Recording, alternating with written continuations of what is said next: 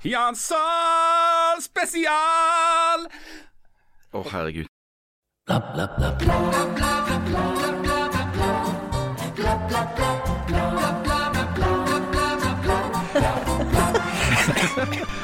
Lånerenta var på 17 Mongstad-saken feller en Statoil-sjef. Commodore 64 data er blitt ei greie. Groma som konseptet bærekraftig utvikling, og den kalde krigen har begynt å tine. Men viktigst av alt det er rett før Jan Sahl blir rockestjerne med Reckless 1987, altså. Ai, ai, ai.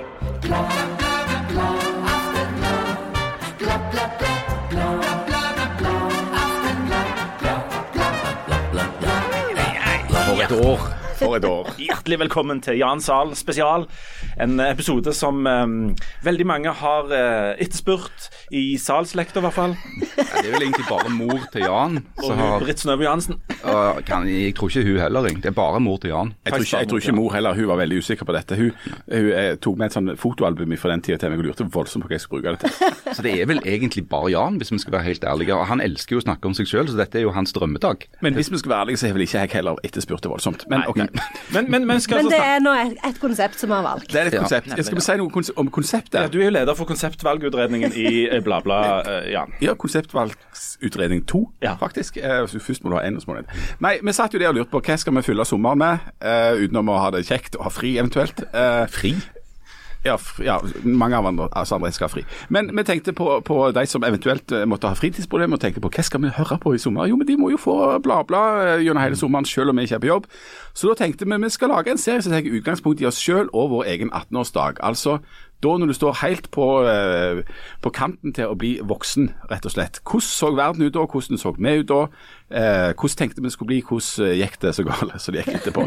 altså, det, Dette er jo noe vi har felles med alle lytterne våre som har vært 18 år. Eh, så kanskje det er kjempekjedelig, kanskje det blir Og så kan det jo òg, for de lytterne med, tusenvis av lytterne vi har under 18, så kan det òg være en, en måte å, å på en måte forberede seg på sin egen 18-årsdag. Ja. Og, og for alle dere under 18 så har jo disse um, episodene en tendens til å handle ganske mye om Reiulf Steen. Vi skal prøve å unngå det i dag, men jeg Vi må si hvem de andre som er med. Ja, uh, det er altså uh, politisk eh, redaktør, uh, herr redaktør Harald Birkevold. Takk. eh, veldig glad for at du nå har begynt å tiltale meg på en korrekt måte. Men du, har- respekten vår for deg har jo steget enormt etter du ble Han kunne jo bli lavere. Men etter du ble politisk redaktør i dette menighetsbladet, Ja. eh, det syns vi er stas for deg. Du har jo òg fått veldig mye mer lønn, eh, som gjør at du nå kjøper kaffe til oss hver gang. Det stemmer, det stemmer. Jeg vil gjerne ha kaffe uten sånn alkohol neste gang, men eh, Nei, du skal få med alkohol, selvfølgelig. Og så har vi jo med selveste professor Janne Stigen Brangsholt. Har du steget i gradene eh, noe siden sist, eller? Eh, nei. Altså, når du er Same, er professor, så er det vel per definisjon umulig å stige mer i gradene? Ja, eh, det er jo egentlig det. Jeg følte jo kanskje litt at jeg var på vei til å stige gradene når jeg ble klokker den ene gangen på den andre gudstjenesten, men det var bare den ene gangen jeg fikk lov å være det. Ja, og så er det Leif Tore Linde, Guds ord fra Hommersåk, som vel nådde sitt karrieremessige peak som søndagsskolelærer i en lang periode. Eh, Det forteller ganske mye om ganske mye, men vi skal komme tilbake til eh, historien om moi, som de sier på Moi, eh, senere. Eh, vi har òg altså da lasta ned eh, eh, Stavanger Aftenblad for den dagen ble 18. Og uh, hovedinntrykket mitt fra den avisa den dagen du ble 18, Jan, ei utrolig kjedelig avis. Altså helt sånn spektakulært gørr. Det skjedde ingenting. Nei. men- Og så lurer jeg på om det på, en måte, på noen måte representerer ditt liv fram til du er 18. At det er ganske kjedelig, traust. Det er mye snakk om, om kø og forskjellige rør. Er dette, hva for en, hva for en dag er det? Vi det er snakker om at faktisk ikke min, min reelle bursdag, for det at eh, som deg, Janne, så fylte jeg òg året på en søndag, og da var det, det var ikke søndagsavis da, og det er ikke søndagsavis nå heller. Sånn at jeg fyller, året 5. april. Jeg så eh, dagens lys eh, 5. april, påskeaften i 1969, og eh, 5. april 1987 så ble jeg 18, men vi sitter her altså med aviser fra 4. april. En lørdag. Lørdag, 4. Lørdag, ja. april. Lørdagsavisa. Som jo er en, eh, en slags kraftpakke, iallfall i på en måte sideomfang, ja, men med enormt mye kjedelig inni. Um, hovedoppslaget det er, jo, det, det er jo så enormt svære førstesider, for det, det er sånn fullformat, så det er jo en masse oppslag, egentlig. Men hovedoppslaget er noe som kunne blitt trykt i 1987, 1997, 19, nei, 2007, 17 og sannsynligvis i 2027, nemlig at det er milelange køer på motorveien. Nei. Ja. Og det er, jo, det, er- det er jo sånne saker. Det er jo det kjedeligste jeg vet, det er sånn eh, saker om trafikk. Merkelig nok er det veldig populært blant leserne våre. Men jeg kan nesten ikke tenke meg noe kjedeligere. Men du, det er andre overskrifter òg her, f.eks. Eh, som kanskje passer bedre på deg. Eh, gullkantet prosjekt. Nei, det tror jeg ikke passer så godt på meg. Misfornøyd. Der er du noe. Teaterveiviser. Det var et lite frampeik. Ja, det har Ja, jeg blitt. det Jeg, var det. jeg har jo blitt faktisk teateranmelder. Det skal jeg love deg. Er at 18 år dette her sånn som det står på førstesiden? Ja. det, altså, det er bare sånn, sånn gjettelekt. En Ja. sånn, et sånt kodeord, og så skal du liksom bli interessert i saken. Og det er mer også, altså De andre titlene på framsida her er 'Evig og alltid?' spørsmålstegn. Ja, det, Det høres jo mer ut som tittelen på en leder. Nytt og vilt. Ja, Det òg. Men nytt i hermetegn. Altså, det er ikke helt nytt. ja, eller det kanskje det er nytt, jeg vet ikke. Og så kommer Jan Sahl-spalten varmt og pent. Men du Jan, hvor, eh, hvor befant du deg i livet eh, når du var 18 år, bortsett fra alderen din som da var 18? Ja.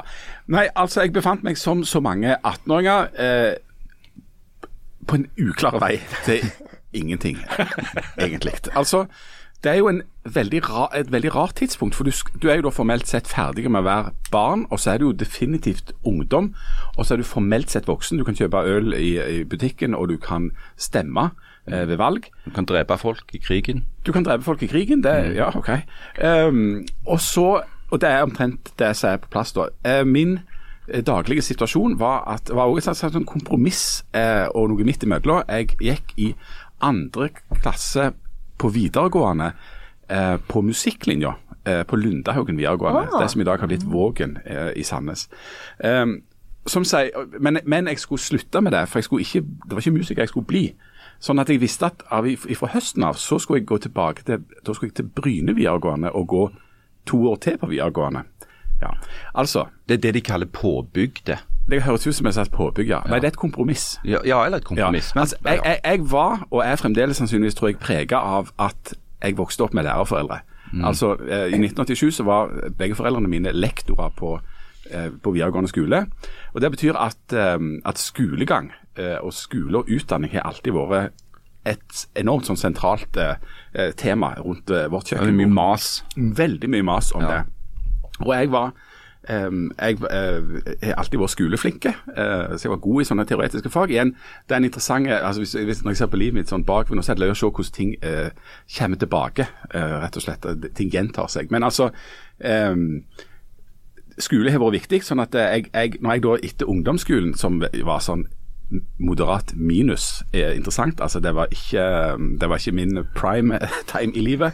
Jeg var ikke kristen, eh, og jeg var Å, nei, ja, Og jeg spilte Nei, og jeg, jeg var ikke god å spille fotball, eh, for jeg var litt sånn late.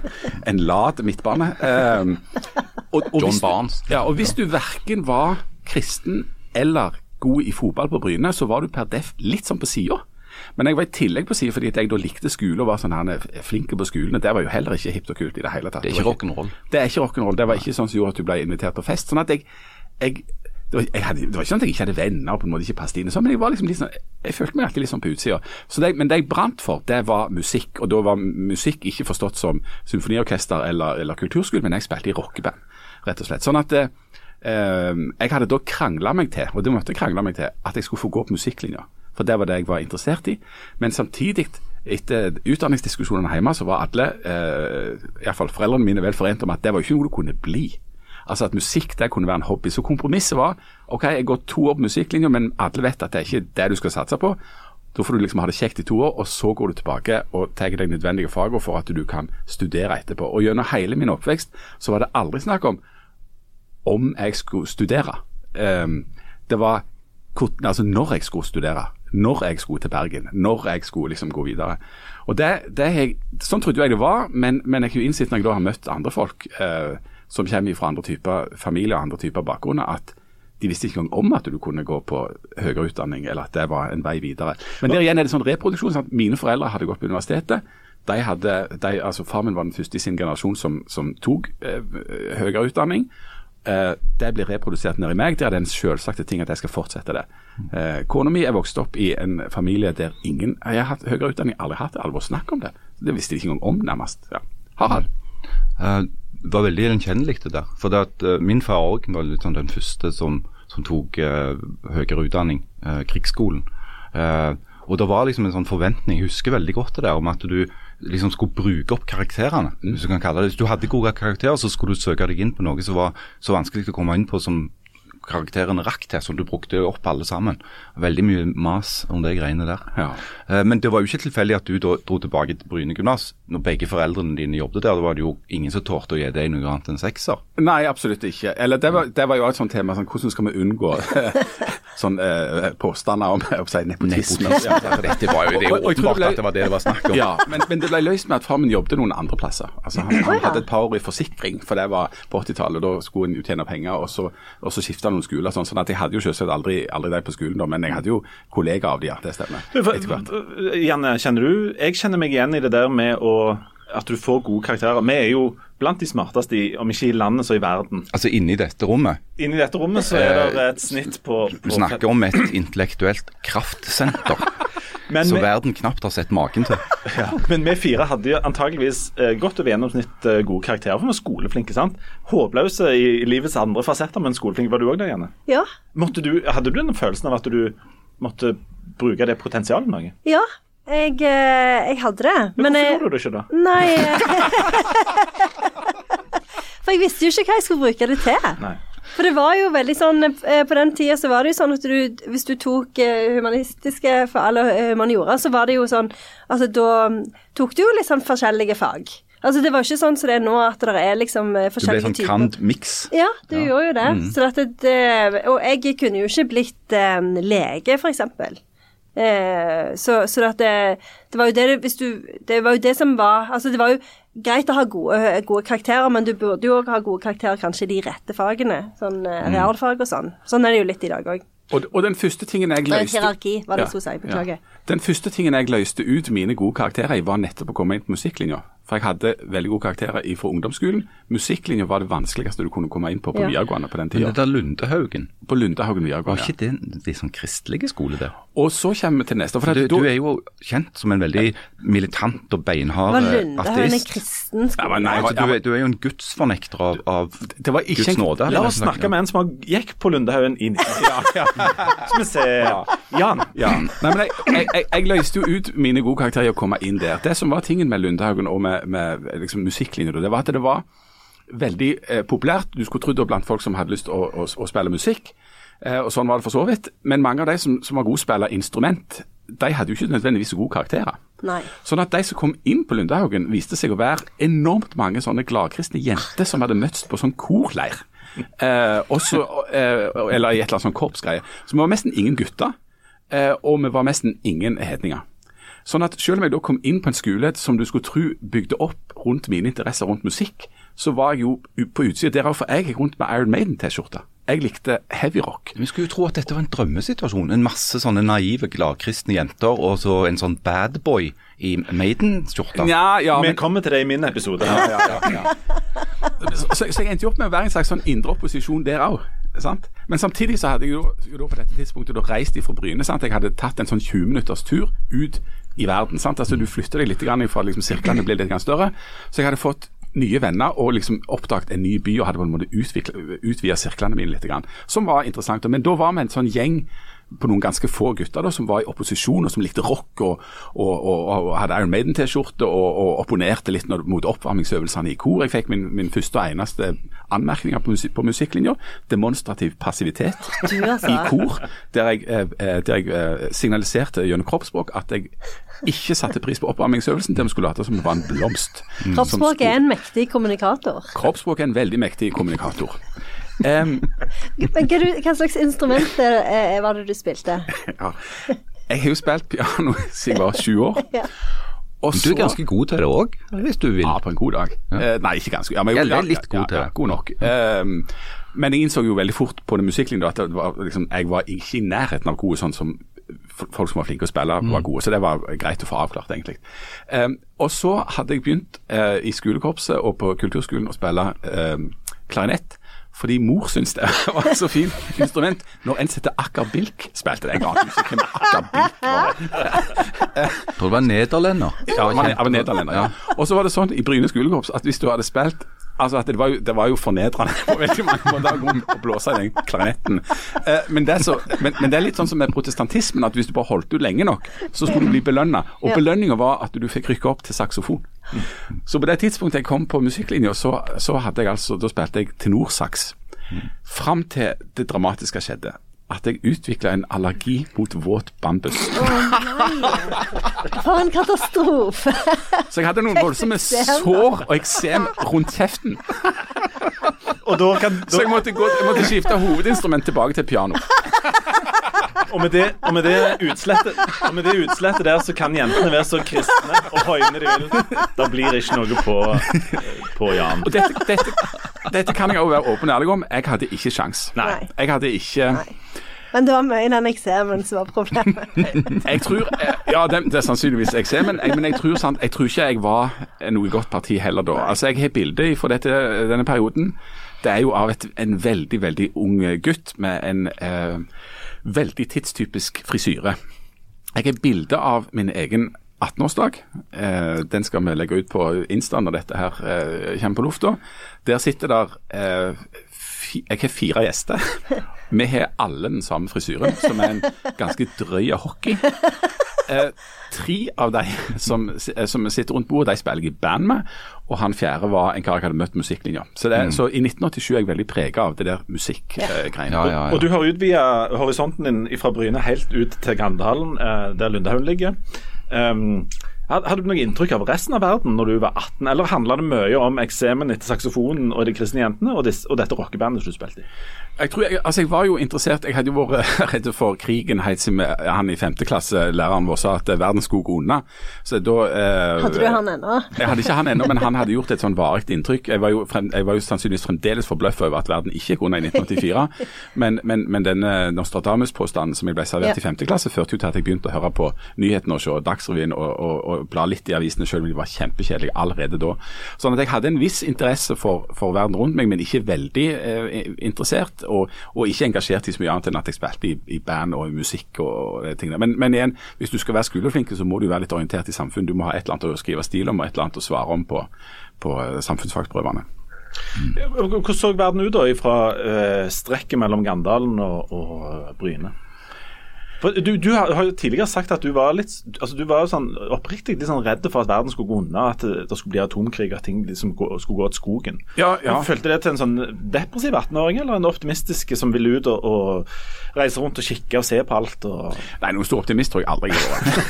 altså, heller ikke da. Nei, hvorfor skal en være det? Nei, ja, nei, altså, jeg, jeg, jeg, jeg var jeg, jeg, hadde Jeg hadde liksom mest egentlig sånn den der utfordringen med å finne liksom plassen min og finne ut hvem i all verden jeg skulle være oppi dette her, og hva jeg skulle bli og, og hvem jeg skulle være med og, og alt det der. Og så var verden en ganske sånn skremmende plass egentlig. Men, men jeg hadde alltid reist mye på sånn ferie til utlandet sånn fram til jeg slutta å være med. Vi kjørte alltid på bilferie til Europa, men jeg, jeg var òg i en slags eh, opposisjon og jeg alltid var litt sånn egen, tror jeg da. For jeg slutta å være med på ferie da jeg var sånn 12-13 år. Hæ, så tidlig? Ja, så tidlig. Og jeg begynte veldig tidlig liksom, på, på, å gå med aviser, hadde lyst til å ha min egen økonomi. Altså, Jeg, jeg har hatt et voldsomt sånn her driv etter å bestemme over meg sjøl. og, og, og det betyr at jeg ikke passer så godt inn i sånn gjeng. Eh, så, så, så det virrer litt sånn rundt for meg sjøl. vet ikke helt hva jeg vil. Uh, ser at verden er der ute, er egentlig litt engstelig, men, men får noen input som jeg liker veldig godt. Altså Den der angsten, eh, det er så utrolig gjenkjennelig. For det at jeg mener det var i 1983, eh, altså noen år før du fylte 18, så kom jo Når jeg var 16, så kom den amerikanske filmen som heter The Day After. Og den viste de altså til oss på skolen. Vi måtte se den på skolen. og Den handler om at det blir en kjernefysisk atomkrig over hele verden, og verden går i praksis under. Det er det den handler om. Eh, de begynner bare å skyte på hverandre, Sovjetunionen og USA. Og så det er det liksom du ble presentert for. ikke sant? Dette, og da, da tenker du dette kan jo fort komme til å skje.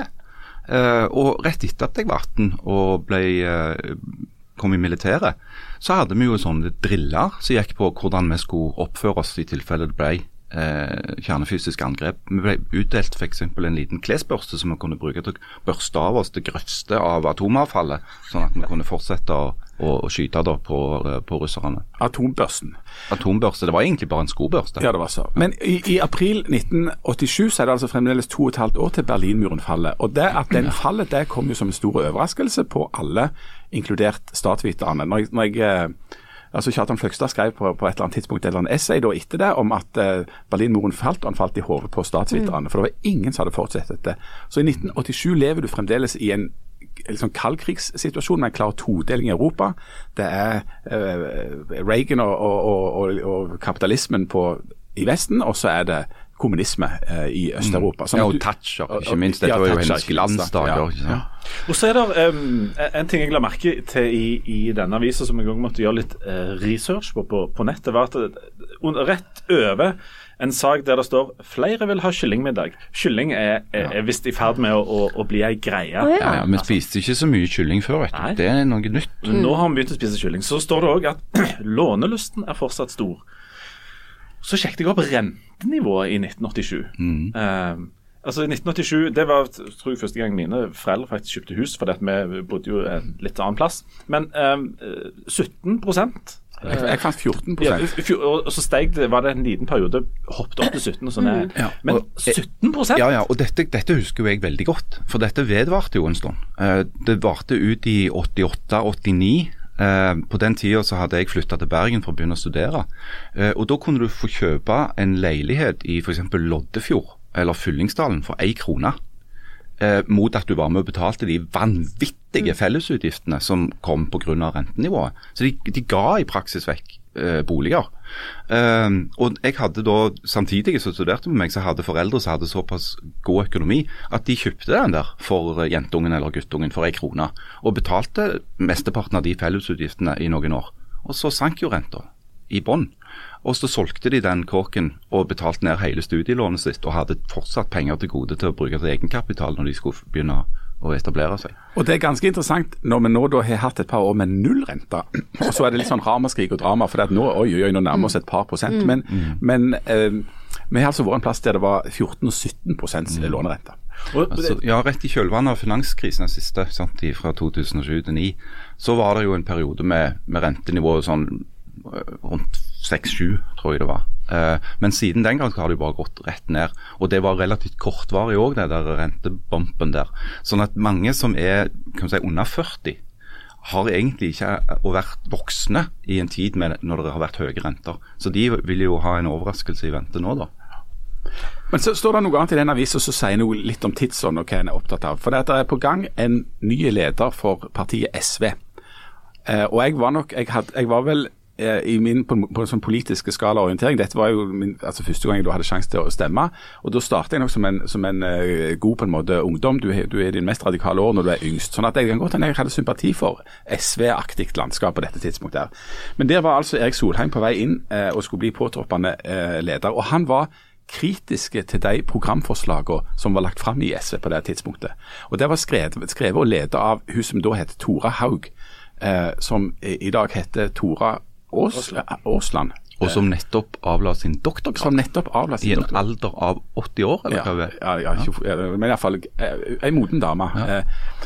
hun hadde ledet programarbeidet i SV, og det syns SV-leder, eller påtroppende SV-leder Erik Solheim var ikke bra nok, fordi at det, det svarte på 70-tallets utfordringer, mente han. Ikke 90-tallet sine utfordringer. Og Det Erik Solheim mente var utfordringene for 90-tallet, som da altså snart skulle komme, var bio- og, da, bio og datateknologi, eldrebølger, miljøproblemet og fritidssamfunnet. Akkurat hva fritidssamfunnet endte opp med, det vet jeg ikke. Men, men der har du noe av det. Men, men altså, han, han pekte på noe som skulle bli sentralt framover. Eh, datateknologi, den digitale revolusjonen, har jo fremdeles ikke kommet på dette tidspunktet. Eldrebølger, den er noe det står om i alle offentlige dokumenter nå for tida, og ikke minst altså miljøproblemet. Mm. Jeg tror jeg vet hva han mente med fritidssamfunnet. For det at det handler om at folk eh, slutter, altså lever jo mye lenger. sånn at folk har jo my- mye mer fritid enn sånn totalt sett i løpet av livet. Ja, og Han ble da på det tidspunktet sett på som en sånn visjonær stemme på, på venstresida. Sånn at det, det kan godt hende at jeg var litt opptatt av, av sånne ting, ikke, ikke eldre bølger. Men uh, ja. Du nevnte dette med, dette med innen data. ja. Det er det jo òg spor av. Vi skal, eh, skal se om, om Jan, eh, hvor Jan Zahl var. Om han, det var han som førte oss inn i dataalderen. Eh, Vi må ha en eh, rask liten pause. Og Så kommer vi tilbake med del to av Jan Zahl spesial. Som jo rimer faktisk veldig fint. Ja. Eh, Eller hva syns du gjerne kunne det blitt et eh, dikt? Ja. Ja. OK, vi tar en liten pause, så er vi tilbake med Jan Sands blah blah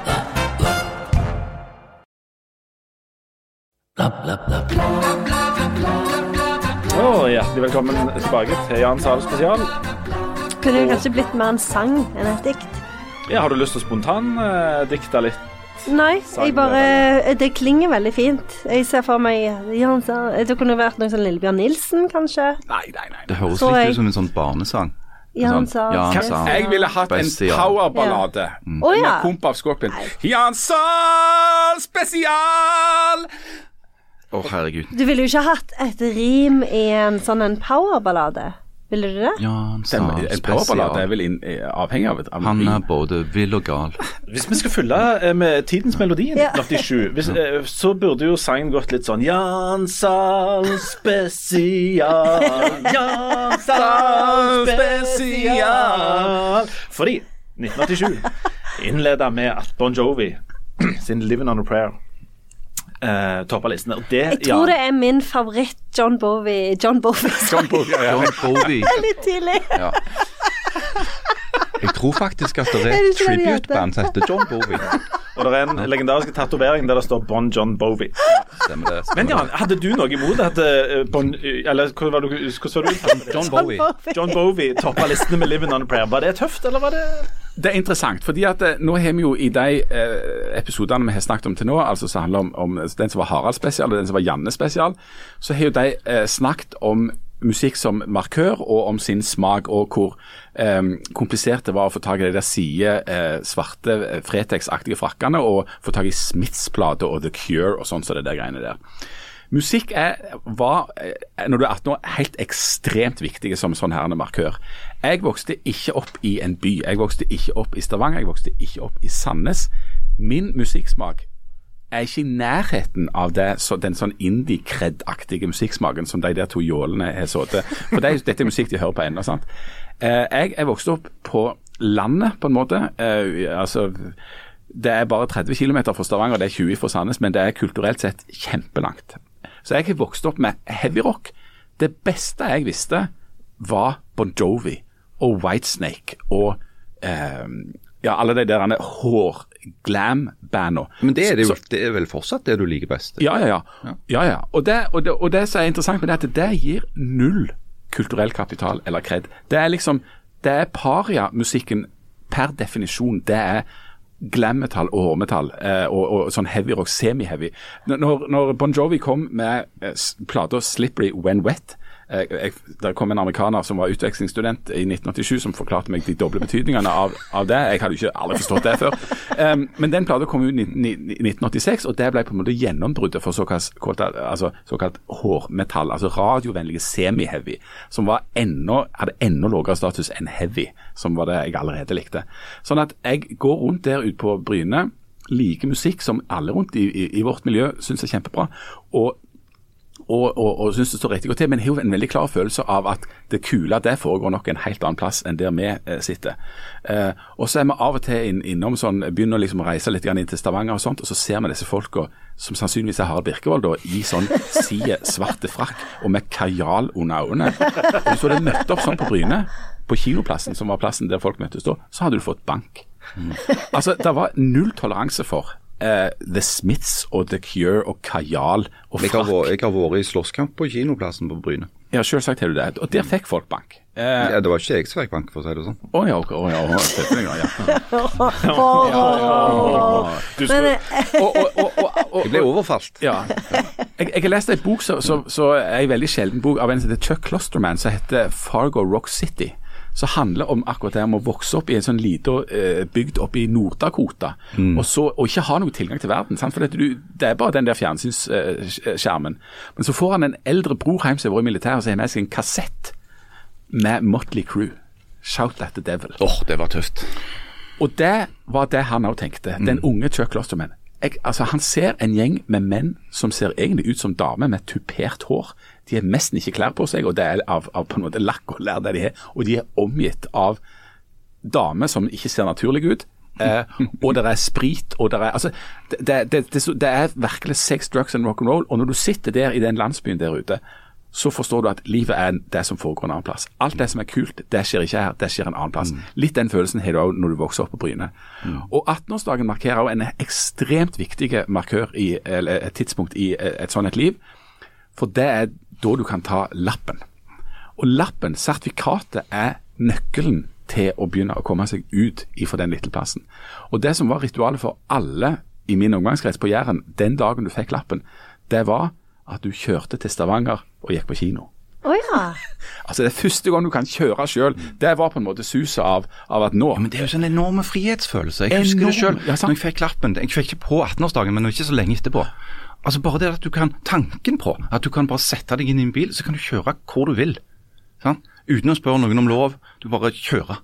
Og den tanken kan du triple eller tidoble hvis du bor en plass der det bor 3500 folk, og de enten er kristne eller glad i fotball, og du føler deg litt sånn på sida.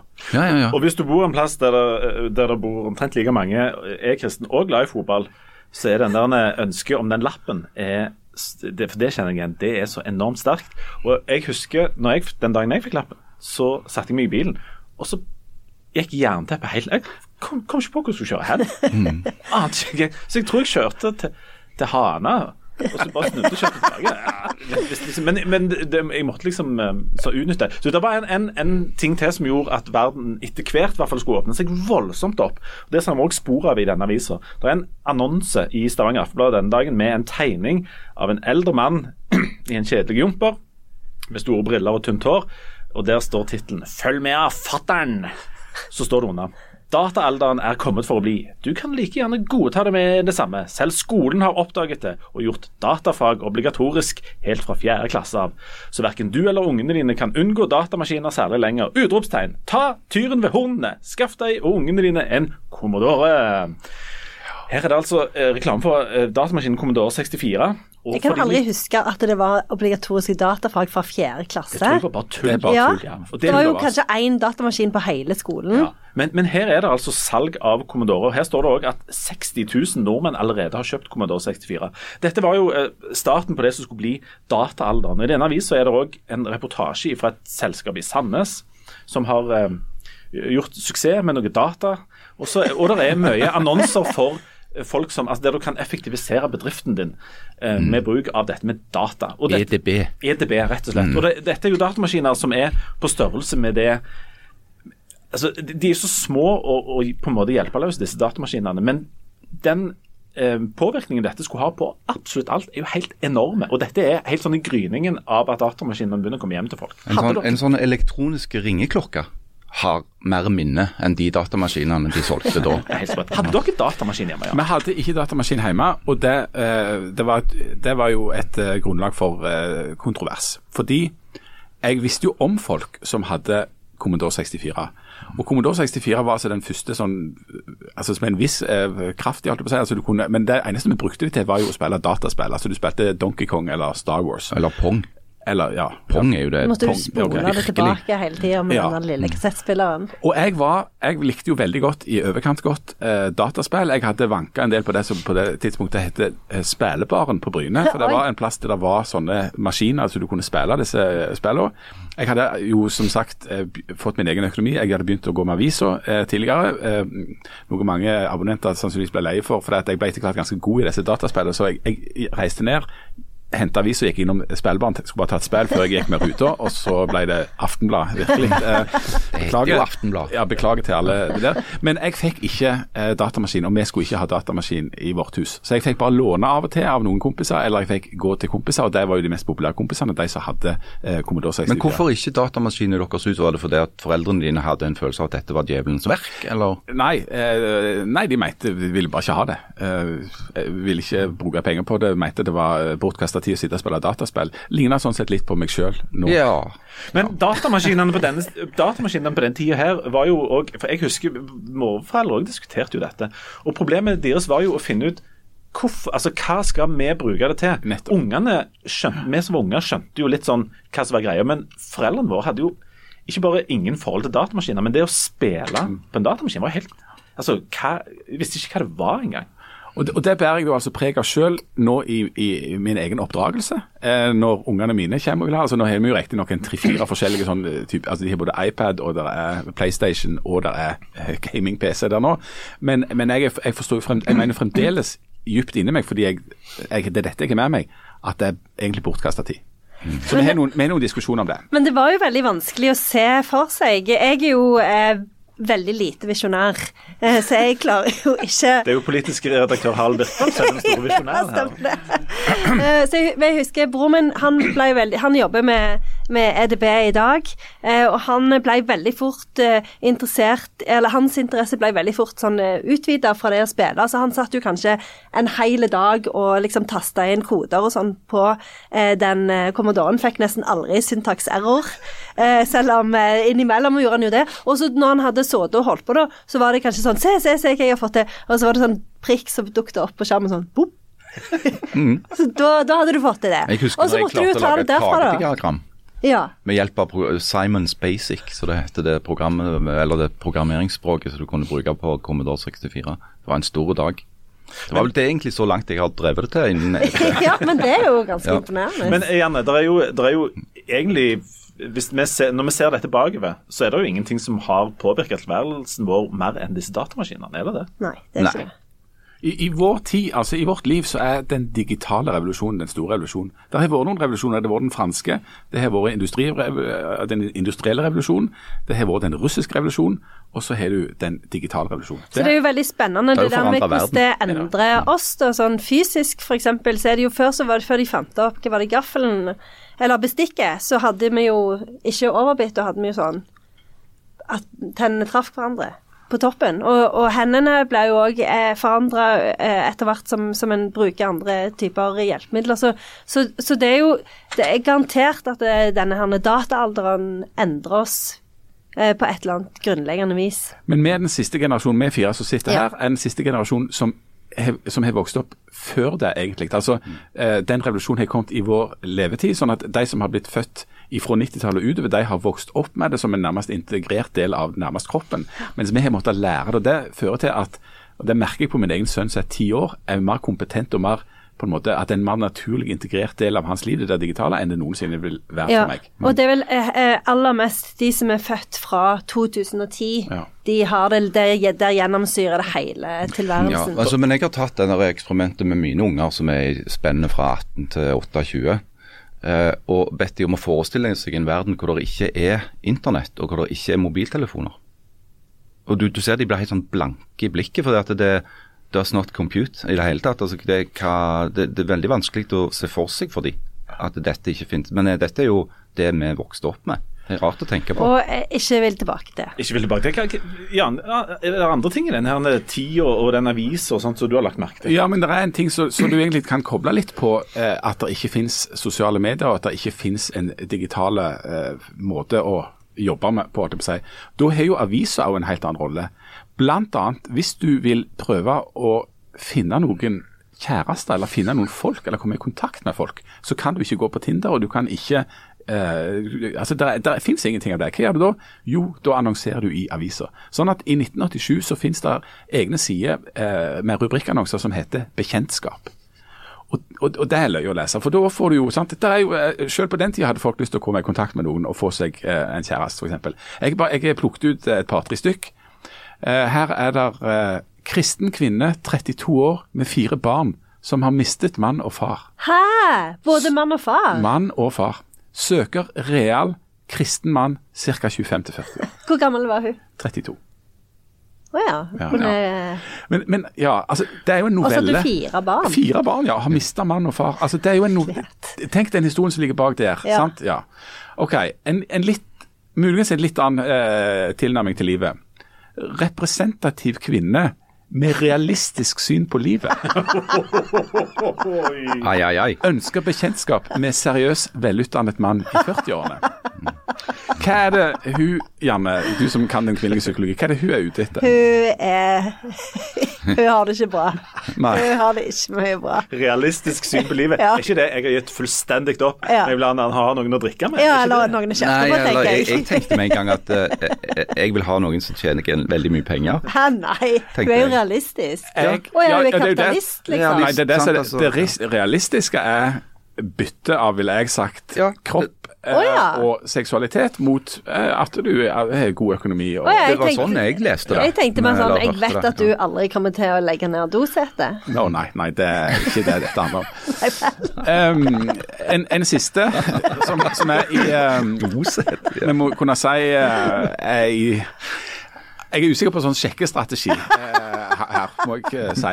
Eh, men her er det altså ensom, skuffet mann i 60-årene. Ensom, skuffet mann i 60-årene ønsker kontakt med snill og forståelsesfull dame i 50-årene. Har hus og bil. Søker kontakt og varme, ikke fyll. Tar kontakt, helst med foto og telefonnummer. BM ærlig. Det er jo helt tydelig hva som har skjedd her. Han har vært i kontakt med hun han er realistisk. Ja. ja. Jeg blir, uff, jeg blir, jeg blir, alltid så- jeg blir liksom litt sånn nedstemt. Jeg, eh, altså, det, eh, sånne, sånne kontaktannonser er jo litt sånn Det er noe litt sånn et eller annet som gjør meg litt nedstemt med de. Det, det, det er mange mysterier her. Det ene, det ene som, som alltid slår meg når disse kontaktannonsene blir lest opp, er dette virker som et problem der du kunne løst det veldig enkelt med å samle alle disse i en gymsal hver torsdag, og så kunne du bare fordelt dem. Ja. Ja. Det er- Hvorfor var det ikke det? Men kobler var det den ene annonsen Ja. med den andre. Men det, jeg, tror, jeg tror alle disse er på jakt etter noe bedre enn det de tror de finner i Men disse kontaktannonsene har jo òg nå tatt steget inn i dataalderen. Ikke med hjelp av Tinder og sånne ting, men med hjelp av den geniale Instagram-kontoen Tinder i gamle dager. Som rett og slett er bare de har sånne høydepunkter fra kontaktannonser i papiraviser i gamle dager. Og der er det mye bra. Men det ligger en mulig kobling i avisa òg for den dagen i 1987. Fordi at det er nesten ei hel side med rubrikkannonser under headinga 'religiøst'. Altså Det er masse samlinger av Ja. folk i samme rom. Muligens ikke med et realistisk syn på eh, livet, eh, eller sånn varme og fyll og sånn, så det er det, men OK. Men det er altså, det skal være evangelisk møte i Wesselsgata 35. Det er vekkelses- og oppbyggelsesmøte med, Ma- i Maranata i Folkets hus i Hillevåg. Det er vitnesbyrd, sang og musikk. Jesus elsker og vil hjelpe også deg. Og det er pensjonisttreff på Ebenezer på Gandal. Der kunne jo han ensomme, skuffa mannen i 60 år for eksempel ha gått. Jeg ser eh, lektoren nikke entusiastisk. Du liker det du hører. Jeg, jeg, jeg tenker, var der, var der, var der, og antageligvis var jeg der òg. Kan jeg bare spørre om én ting når det gjelder kontaktannonsene? Er det sant at, at det var kodeord i disse, og det at turer i skog og mark egentlig betydde jeg vil bare Det er jo eh, SOM. Hæ? Er det Det er sant? Ja, for dette er Husker Ja, nå, er, nå er jeg enda reddere enn jeg var når jeg kom inn her. Husker dere vi snakket en gang for lenge siden om at hvis du har en kaktus i vinduet, nå til dags, som det heter Hva er det, en kak- Nei, palme. Nei, en, en ananas. En ananas. Så betyr det at du Ikke spør og hvorfor jeg vet det. Nei. Det er sånn som politiske redaktører bare må vite som bakgrunnsinformasjon. Stemmer det. Så Hvis du har det utstilt i vinduet, så er du og, og din eh, nåværende partner åpen for å ta med andre inn på kammerset. Hæ? Jeg husker Du du må, ikke gå, det? du må gå rett hjem til Trones og ta vekk den andre. Nei, altså Det er et sånt signal på at du er åpen for sånne ting. Og I alle dager tenk jeg alle de signalene jeg driver og sender ut, så du må ikke, ha- må ikke ha ting i vinduene, Janne. Det er, jo galskap. Du må få han til å ta den vekk med en gang. Å, hjelp! og hvis du, har, hvis du har mange sånne potteplanter i vinduskarmen, vet du hva det betyr? Nei, jeg nå bare finner jeg på ting. Men Og, og hvis du har mye sånne store lysekroner. ja, ja. Det, det, det, det er så drøyt at jeg tør ikke si det engang. dere vet hva rødt hus betyr, sant? Ja, ja. Nei. Ok, nå er vi ferdig. er ferdig. Greia var at eh, Jeg har hørt at det var sånn ekte kode Altså, tur i skog og mark betydde at du var interessert i litt sånn eh, kinky form for eh, samliv. Stem, er det noen som vet om det stemmer? Altså, Jan Sahl 18 år var totalt ukjent med absolutt alle kvinner innenfor Hvordan det, vet du det om det kjønnslige. så stemmer, egentlig? Hvordan vet du egentlig? Du må jo nesten prøve å sette inn en sånn annonse, Det er se på, hva som skjer. på samme måten som du vet om det der med den der Ananasen. Ja, altså, jeg har hørt det samme som deg, og jeg syns at dette er en altfor god historie til at det er vits å drive og sjekke den. Det sjekker vi ikke. Ja. det er Beskjeden fra politisk redaktør i Stavanger Aftenblad vi. Ja vel, ja. Vi, vi går tilbake til 1987. Eh, Kan jeg, kan jeg få komme med en liten, et lite apropos til? Vi har jo hatt en tradisjon for å, å håne eh, skriverier av vår eh, nåværende redaktør Tara Lono. Han er på her òg. Han er på. Han har skrevet en sak om, om nattkinoen denne kvelden. Altså, det er jo, vi, er jo da, vi er jo på et punkt der det er en eneste eh, TV-kanal. Vi må lese tittelen, for den er, den er så god. Ja, okay. Slående tittel. Superstar-filmen fortsatt omstridt. Og om ikke det var galt nok, delte meninger om kveldens nattkino. What? Men var det Jesus Christ Superstar? Jesus Christ Superstar fra 1979. Den skal da vises i 1987 Oi, oi, på nattkino i eh, NRK. Det er det svære saker om. da. Noen, syns, noen kristne syns det er flott, andre syns det er ubibelsk. Ja. Ja. Hva er greia med denne filmen, Janne? Nei, Jeg har aldri sett den.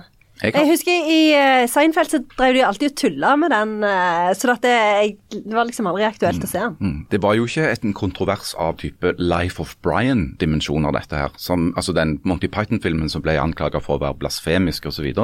Men det var jo altså konservative kristne miljøer som hadde store problemer at de skulle lage sånn tant og fjas og musikal ut av noe så alvorlig som selve frelserens eh, liv på jorda.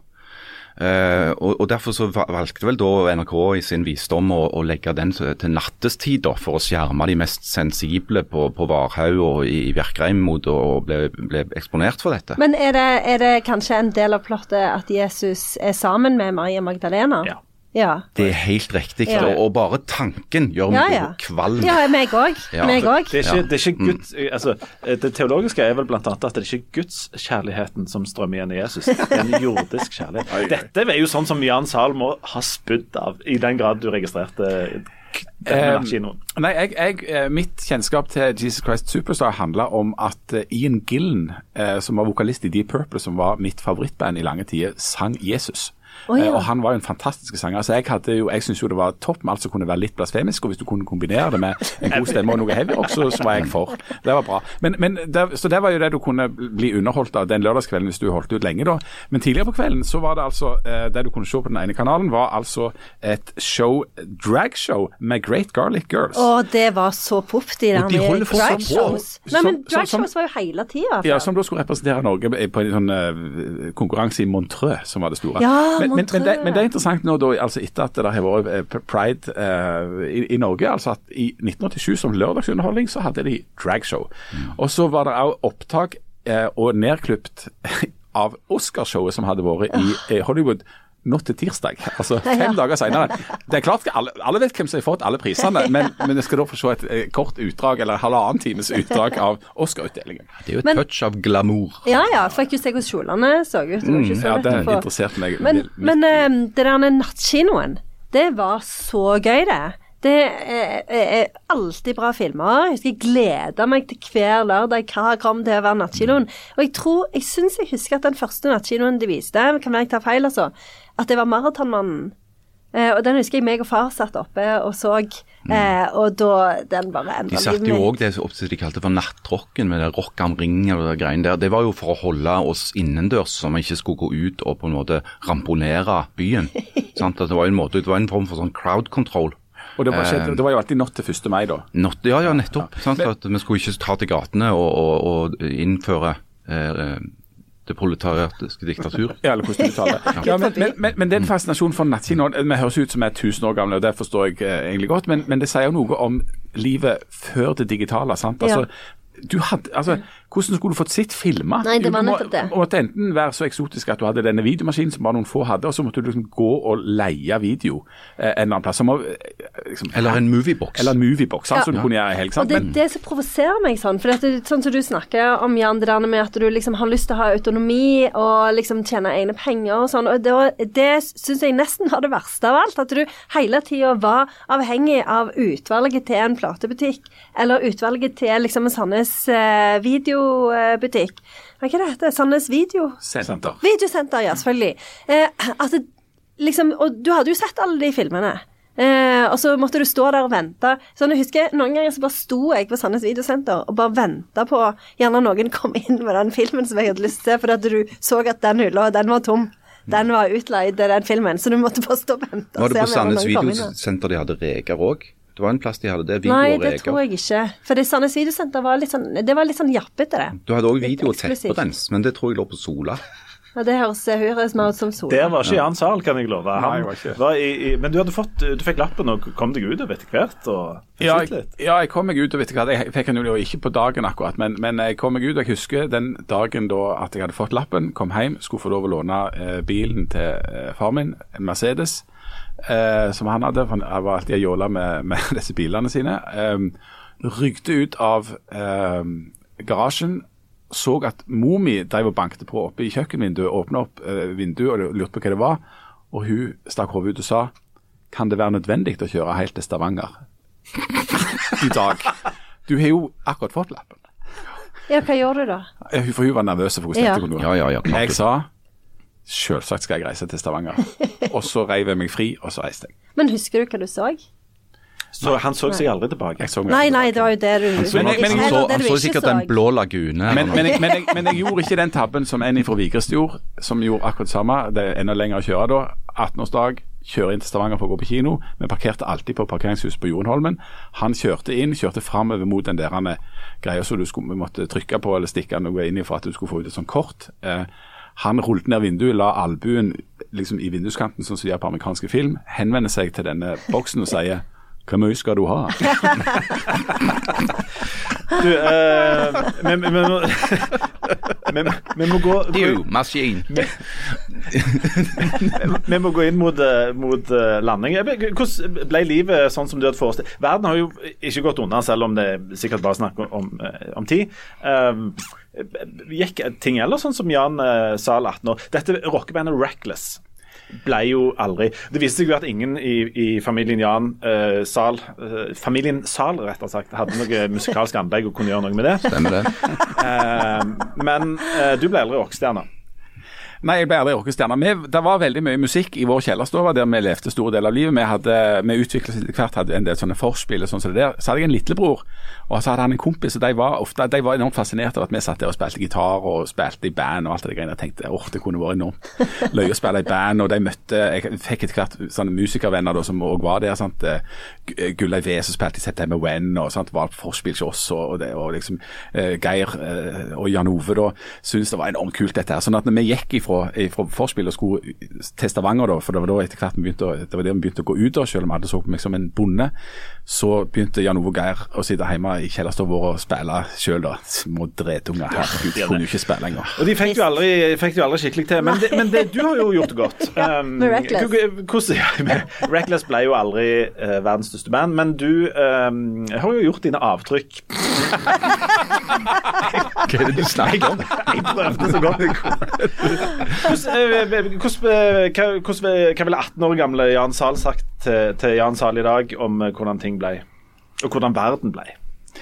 Nei, eh, 18-åringen eh, Jeg tror han ville tatt det med litt sånn store sko, for jeg har jo blitt det som er, var en refleksjon av den jeg begynte å være allerede da. Altså skoleflinke eh, og eh, på en måte opptatt altså, av å, å, å lese, skrive og snakke. og Det var det jeg til slutt ble. Jeg, jeg måtte bare reindyrke det i ganske mange år. Men jeg fant ikke meg sjøl egentlig før jeg eh, flytta til Bergen og møtte de andre eh, skoleflinke fra landsbygd og, og fra noen byer rundt omkring, og endelig fant de som, som ligna på meg. Eh, ja. Det er jo det det ofte handler om, at du finner en slags flokk. Altså noen andre sånne freaks som er sånn som deg. Og, og, og jeg, jeg mener en gang eh, at du sa, Jan, at, eh, at du var en av de som eh, ikke nødvendigvis fant den der kjerneflokken eh, liksom rundt dørene, men at det var veldig viktig for deg å få komme, komme seg litt sånn geografisk vekk og få flaksa litt. Eh, var det sånn? Var det det som på en måte gjorde at du landa i livet? Ja, og det var en del av på en måte frihets... Eller prøve, altså forsøket på å finne seg selv. At når du er vokst opp på en liten plass som Bryne, som jeg da var, eh, og foreldrene dine er lærere på videregående der, så vet alle hvem du er. Og noe av det jeg syns var mest drit, det var at alle visste hvem jeg var, og alle visste hvem jeg var sønn til. Sånn at jeg følte et enormt behov for å bli bedømt og vurdert ut ifra hvem jeg var, ikke hvem jeg var i slekt med. Å ja, du er sønnen til deg, og så visste liksom alle hvordan du var da, liksom. Men jeg sa nei, men jeg er jo, jeg er sønn til deg, men jeg er meg sjøl. Og det var på en måte Så frihetskampen var så vidt i gang, eh, og så skulle jeg bli meg sjøl. Og dette er jo en fortelling som du Eller noe du har klagt på òg når du har vært i storbyer rundt om i Norge. Ja, det er et evig problem. Nei, ja. Ja, ja, Det å være sønnen og ha liksom en kjent far og Ja, ja, alle vet hvem du er. ja, ja, ja, ja, ja, ja, nå har jeg helt glemt. Ja, jeg møtte jo eh, ei på en middag en gang og fortalte om hvor hardt dette var, og så glemte jeg jo at eh, For hun sa ja, sånn har jeg òg hatt det, og det var ei som heter Märtha Louise. Som er min favoritthistorie i verden.